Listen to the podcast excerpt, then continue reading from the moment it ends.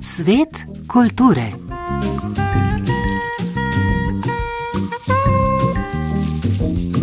Drage poslušalke, dragi poslušalci, pozdravljeni. Ljubezen nam je vsem v pogubo. Misel, ki je postala skoraj da pregovorna, je osrednja tema povesti v zali Ivana Tavčarja. Je pa tudi naslov bralne uprizoritve, ki bo nocoj ob 20. v dvorani Alme Karlin v Cankarjevem domu. Poslušali pa jo bomo tudi v neposrednem prenosu na programu Ars.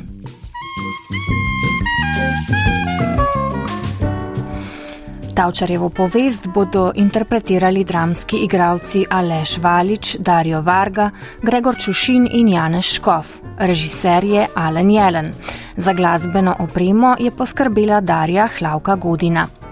Projekt v Zali je eden izmed dogodkov Tavčarjevega leta ob stoti obletnici pisateljeve smrti in del praznovanja Arsovih 60. Tadeja Krečič. Divjega petelina je mogoče ustreliti le med petjem, ko zapeljuje samico. Ljubezen mu je, nam je, vsemu pogubo, je Ivan Tavčar spoznal že kot mlad fant, kar takole razlaga dramaturginja Tatjana Doma, avtorica dramatizacije pripovedi v Zali. Tavčarevo pripovedništvo vse od mladosti pa do zrelega obdobja zaznamujejo njegove silne ljubezni. Že v dijaških letih se je zaljubil v nezakonsko ščirko enega najpremožnejših ljubljančanov in bil zaradi nočnega vasovanja pod njenim oknom tudi izključen iz šole in je zato šolanje nadaljeval v novem mestu. In v bistvu je iz tega razloga že od najstniških let pisal o velikih, o tragičnih ljubeznih, ki lahko lomijo srca in tudi spreminjajo nekako življenjske poti.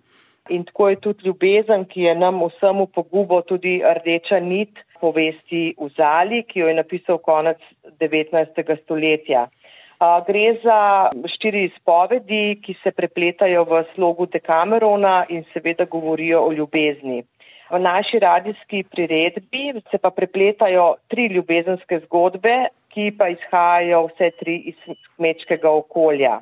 Izpovedi loših lovcev se seveda končajo z uspešnim lovom, ustrelijo dva divja petelina, s čimer pa ta avtor ob koncu povesti potrdi misel, da je seveda ljubezen pogubna za vse.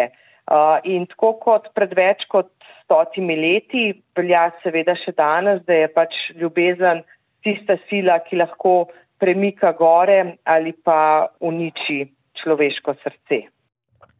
Radio Slovenija, program Ars in Cankarjev dom se zbralno uprizoritvijo v zali Ivana Tavčarja vključujeta v niz prireditev, ki podčrtujejo pripovednikovo mojstrstvo.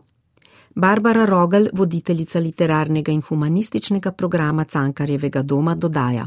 Eh, njegova dela so danes del šolskega kanona, a prav te štiri novele, ki jih v slogu Dekamerona ukvirja pripoved, ostajajo nekam pozabljene.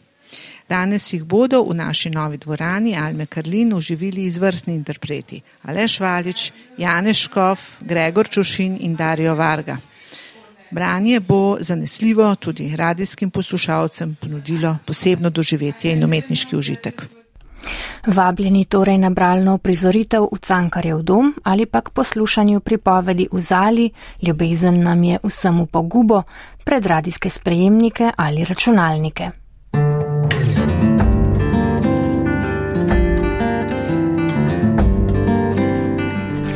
Material, kontekst, družba. To so trije vidiki, ki opredeljujejo kakovostno arhitekturo prihodnosti ter hkrati naslov razstave v Ljubljanski galeriji Desa. Kuratorki razstave Aida Bračič in Maša Ogrin želite izpostaviti primere dobre prakse, ki vključujejo principe reciklaže ali okolju čim manj škodljivega pridobivanja materialov, ponovno uporabo upoščenih stavb in skupnostno soustvarjanje arhitekture prispevek Ize Pevec. Material, kontekst in družba so osnovni parametri, po katerih sta Aida Bračič in Maša Ogrin presojali kakovost arhitekture. Povezani so z današnjimi predstavami o tem, kaj je dobra arhitektura za prihodnost. V preteklosti so bile te ideje drugačne. Poleg tega je njuni zbor seveda subjektiven in bi lahko bil tudi drugačen. Zakaj prav ti trije pojmi? Maša Ogrin. Pač material, zato ker je arhitektura praksa v materialu, se pravi v bistvu razmišljanje, ki je ujeto v formo kontekst, zato ker vedno vstopamo v že obstoječ prostorski kontekst in pa seveda družba, ker je arhitektura namenjena v bistvu uporabnikom in pa družbi in se nam je zdelo to v bistvu najbolj osnovno in najbolj opredeljujoče.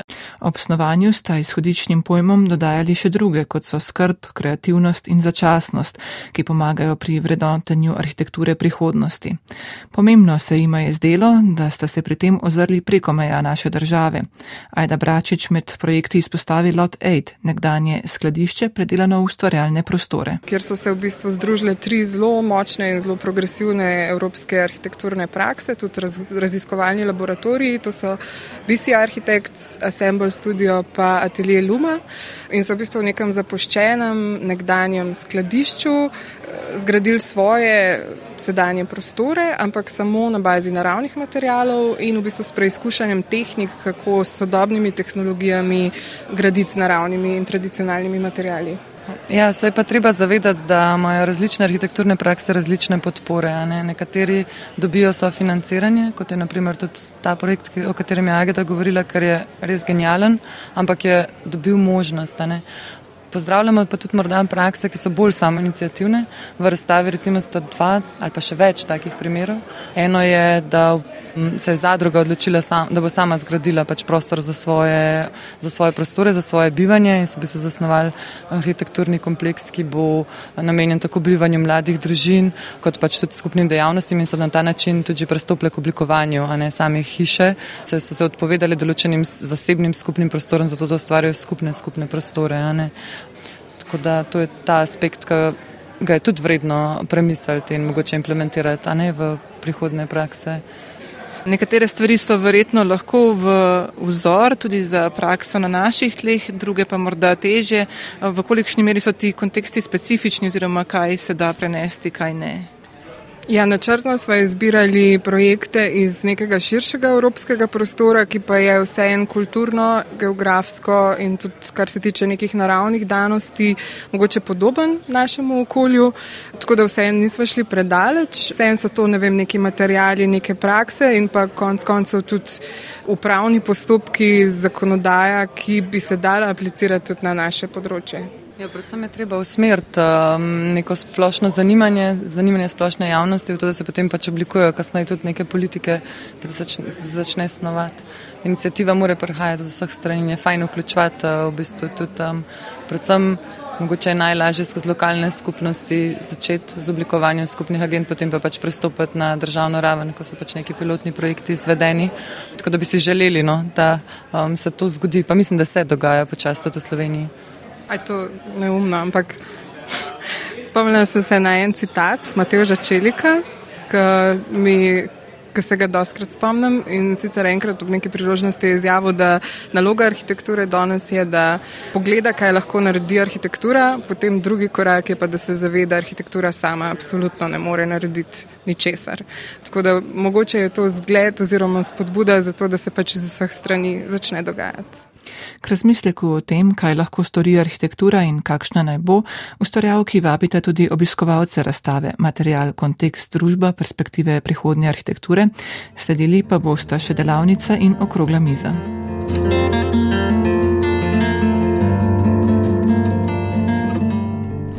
V Trstu bo konec tedna Slowfest, festival kulture in umetnosti slovencev v Italiji petek, soboto in nedeljo bodo središče mesta zaznamovali najrazličnejši dogodki, ki naj bi opozorili, da so slovenci sestavni zgodovinski del tržaškega življenja. Maričuk. Ta konec tedna bo središče Trsta zaznamoval utrip slovenske kulture. Jedro dogajanja bo trg svetega Antona Novega, kjer bo Zveza slovenskih kulturnih društev ponudila tridnevni niz razprav, predstavitev knjig, vodenih ogledov, koncertov, razstav in še množico prireditev, ki naj bi predvsem italijansko govoreče seznanile z dejavno prisotnostjo slovencev v mestu. Prisotnost je seveda zgodovinska, na kar pa italijani radi pozabijo in obravnavajo slovence kot prišleke oziroma kot manj pomembno stran tržaškega neba. Organizatori so prav zaradi tega pripravili še dodatni spored za šole in mlajše občinstvo.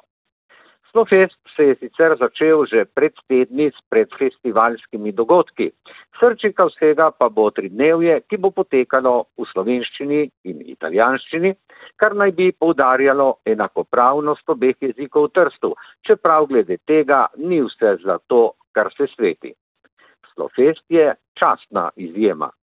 Treba pa je povdariti, da so prireditelji vložili vsebino in pripravo tržaškega slovenskega festivala veliko energije in pretehtanih ponudb.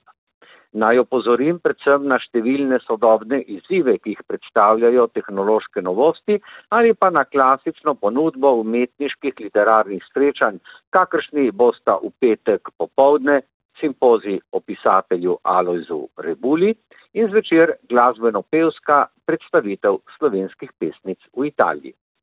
Sobotno dopoldne bo zanimivo zaradi sprehoda po tržaških ulicah, ko bodo najmlajši spoznavali bistvene postaje slovenske zgodovinske prisotnosti v mestu.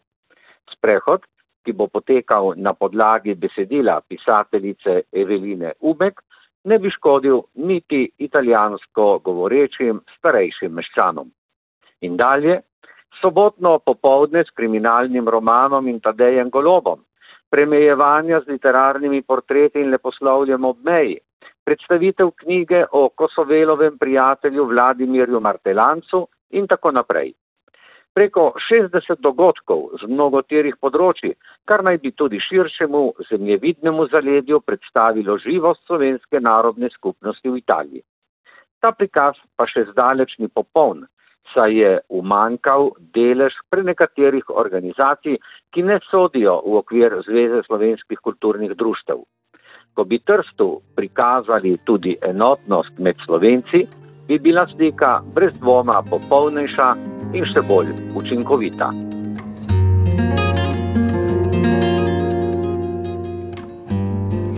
V galeriji S na Ljubljanskem gradu bodo nocoj odprli razstavo časopisnih risb Cirila Horjaka z naslovom Selekcija. Šlo bo za izbor risb oziroma karikatur, ki presegajo določeno tematiko ali problematiko in so prestali preizkus časa, je ob razstavi zapisal njen kustos Jure Stojan. Ciril Horjak vsak teden nariše vsaj dve risbi za časnik večer. V 16 letih jih je nekaj čez 1800. Številne ilustrirajo lokalne težave v severovzhodni Sloveniji, nekaj pa jih ima zgradbo, znake in likovno moč, da delujejo tudi zunaj svojega časa in konteksta, je še dodal.